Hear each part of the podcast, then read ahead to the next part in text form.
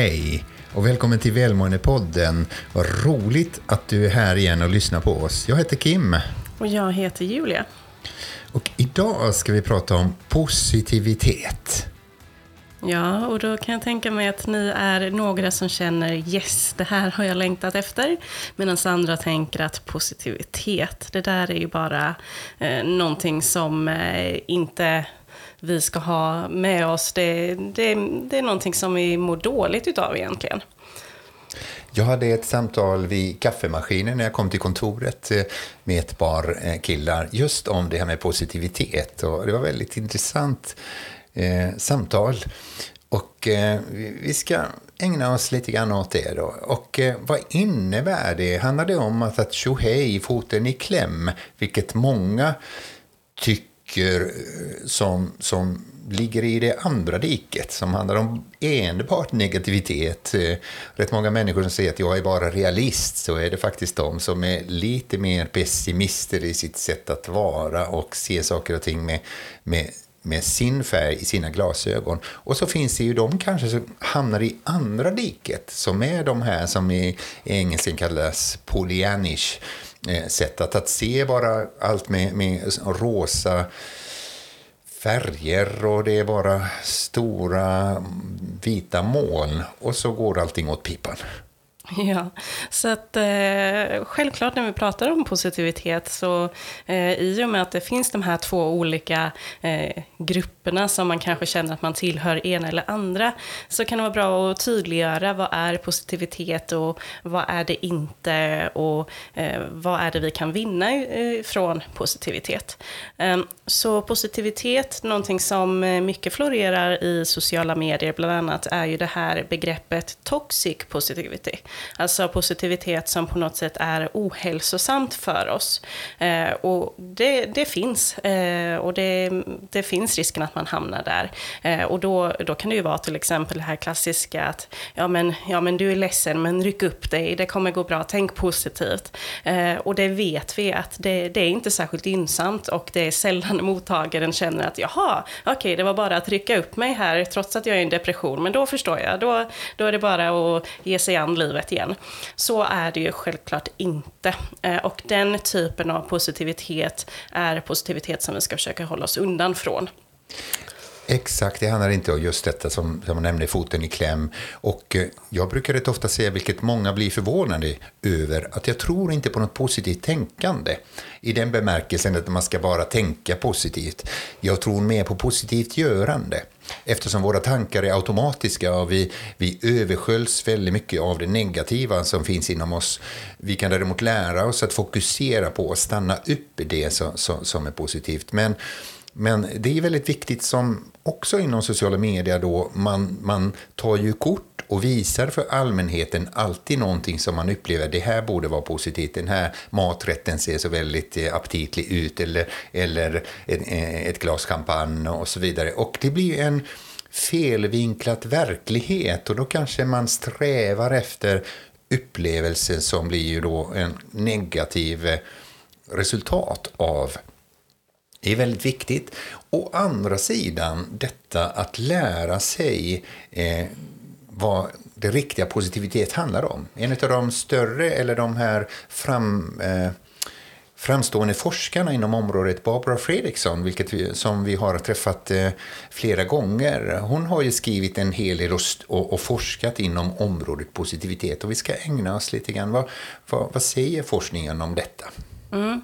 För det, det, det, här vill vi att du verkligen ska ta med dig. För att det är många som eh, har fastnat lite kring det här med toxic positivity och tror då att positivitet rent generellt, det, det är inget bra för oss. Eh, men så är självklart inte fallet, utan det finns otroligt mycket eh, positivitet som vi kan dra nytta utav och som kan få oss att må bra. Eh, det kan göra att vi blir mer nöjda med eh, vårt liv och och eh, våra positiva känslor ökar. Så att det finns otroligt mycket gott att hämta från positivitet.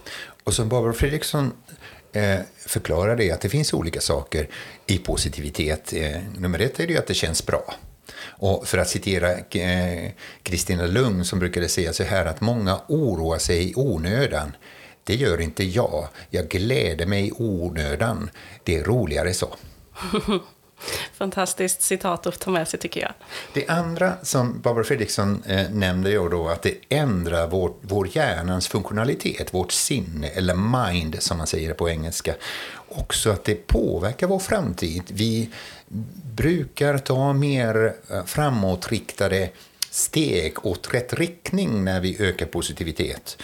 Och också givetvis det bryter den negativa trenden som kan finnas där. Det finns ju ett antal människor som har fastnat i, i det där. De säger att det går aldrig, eller det, vad var det jag sa när något negativt hände? Men de säger ingenting när något positivt händer. Att, och vad var det jag sa? Det var väl, det lyckades vi. Eh, och då kan det bryta den negativa trenden hos oss också att det finns en viss tipping point och vi behöver träna oss för att eh, eh, det, det blir en automatisk eh, effekt för hjärnan och vårt tänkande och vårt görande. Och också det som, som Barbara Fredriksson säger att, att du kan öka din positivitet. Det går att träna upp det. Man behöver inte skylla eller skälla på sina förfäder och säga jag är som jag är, jag är den här, som man vi ofta brukar skälla på närkingarna att de är så, det är vackert idag, ja idag ja. Så, så, så, är, det inte, så är det faktiskt inte, utan eh, man kan träna på positivitet. Verkligen. Eh, och det har man ju, detta är ju inte bara psykologiska studier utan också kommer från hjärnforskningen. Eh, och det, vi vet ju att så som hjärnan är uppbyggd idag så lutar vi oss mer mot det som är negativt och det som är jobbigt och dåligt och läskigt i omgivningen. Det är det vi uppmärksammar främst. Ehm, och det får väldigt stor plats om vi inte aktivt tränar oss på att uppmärksamma det som eh, är vackert, det som är fint, det som går bra, det som vi uppskattar och det vi är tacksamma för. Och när vi då tränar på att uppmärksamma de här bitarna, ja men då ökar ju eh, bland annat våran eh, styrka i frontalloben, alltså eh, pannloben där som är längst fram i hjärnan, den blir starkare. Och när den blir starkare så kan den lugna ner vårat känslocenter i hjärnan, våran amygdala. Eh, så att det, det är rent eh, eh, från forskningen i neurovetenskapen, alltså hjärnan påverkas. Så detta är inte bara att eh, vi ska prata kring våra tankar och, och beteenden och så, utan det är faktiskt fysiskt eh, påverkar oss. Och det som eh, Martin Seligman eh, beskriver i sin bok eh, Learned Optimism att eh, han frågar vem är det som har mest rätt, en optimist eller pessimist? Och eh, slutsatsen är att båda två har lika mycket rätt enligt studier. Å andra sidan, det som skiljer optimist och pessimist är ju då att pessimist ser oftast att det är game over. Det, man kan inte göra någonting, jag kan konstatera. Och också den inre belöningen blir bara att jag hade väl rätt att det gick åt pipan. Eh, den optimismen, optimisten eller den som ser positivt på saker och ting ser samtidigt möjligheterna. Precis som Edward de Bono brukade beskriva detta, att den rätta optimisten ser saker och ting som de är, med andra ord ruinerna som de är, men samtidigt möjlighet att bygga och göra någonting åt situationen. Så att det blir inte game over, det blir inte eh, återvändsgränd, utan man ser, okej, okay, nu är saker och ting som de är, men jag skulle kunna göra någonting åt det här. Och påverka min framtid eller påverka den situationen där jag befinner mig i. Och det tar ju sig in då på att eh, eh, om, man, om man fastnar i det här pessimistiska så blir det lätt att man eh, lutar sig tillbaka, armarna i kors och inte agerar. Medan eh, optimist då, och eh, om man då agerar utefter positivitist positivist så är det just det här agerande som eh, det hela landar i. Och vi brukar ju säga där att eh, man ska kanske inte tänka positivt utan det handlar om att göra positivt. Och eh, det handlar att, att, positivitet behöver inte handla om att du går med leende på läpparna hela tiden då, och, liksom, och så blir en, en, kanske en pina för din omgivning. Här kommer den här hurtiga människan igen då, jag orkar inte med henne eller honom. Utan det, det finns ju vissa områden också som, som har kommit fram ur bland annat Barbara Fredriksons forskning då, och det handlar om dels tacksamhet att eh, positivitet föder ju då, det är en av de ingredienserna för positivitet, det är tacksamhet. Och tänk, vad är det som jag är tacksam för? Det handlar om nyfikenhet också. Positivitet hjälper vår kreativitet att bli mer nyfikna. Hur ska jag kunna hitta vägar till att lösa saker och ting. Eller hur ska jag kunna skapa något nytt? Och det handlar om hopp, det handlar om stolthet, inspiration och förundran.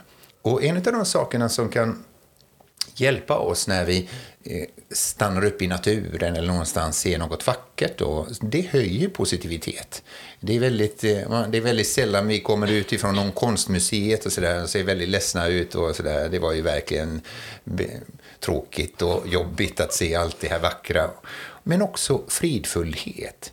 Så det finns ju vissa områden som du kanske inte har tänkt på som ingår i positivitet.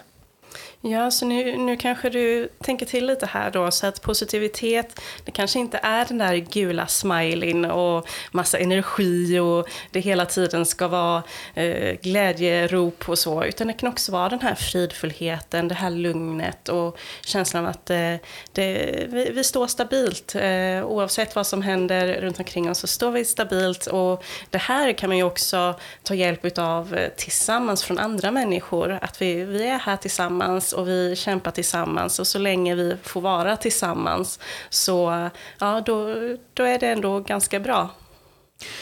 Det handlar också om kommunikationen med andra.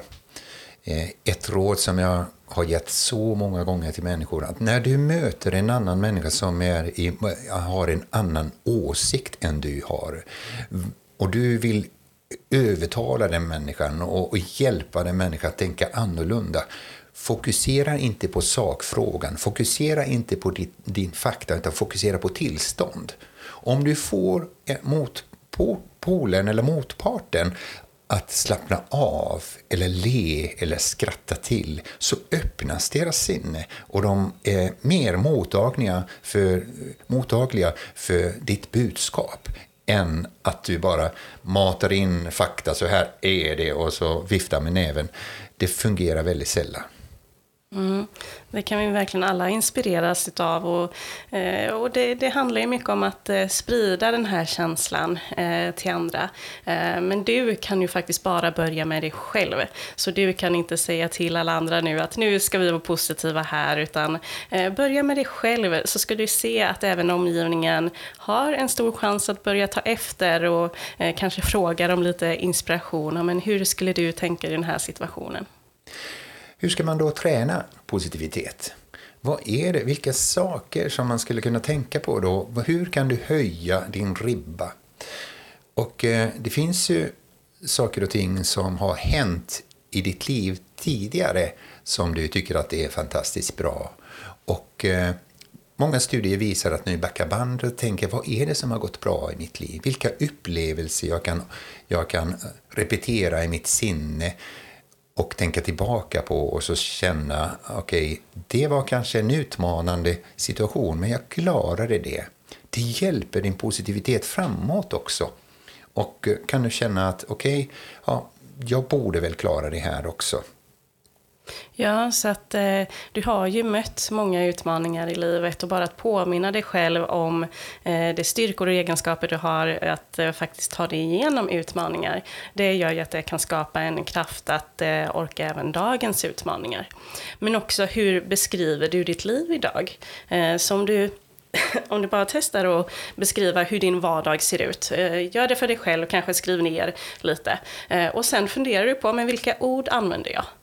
Kan jag få in några fler positiva ordalag i mina beskrivningar? Eh, så istället för att säga att eh, ja, men jag går upp på morgonen, eh, jag tar mig till jobbet, jag åker hem, lagar mat och sen lägger jag mig. Så kanske du kan få in, ja men jag går upp på morgonen, njuter av lite kaffe och ser fram emot arbetsdagen.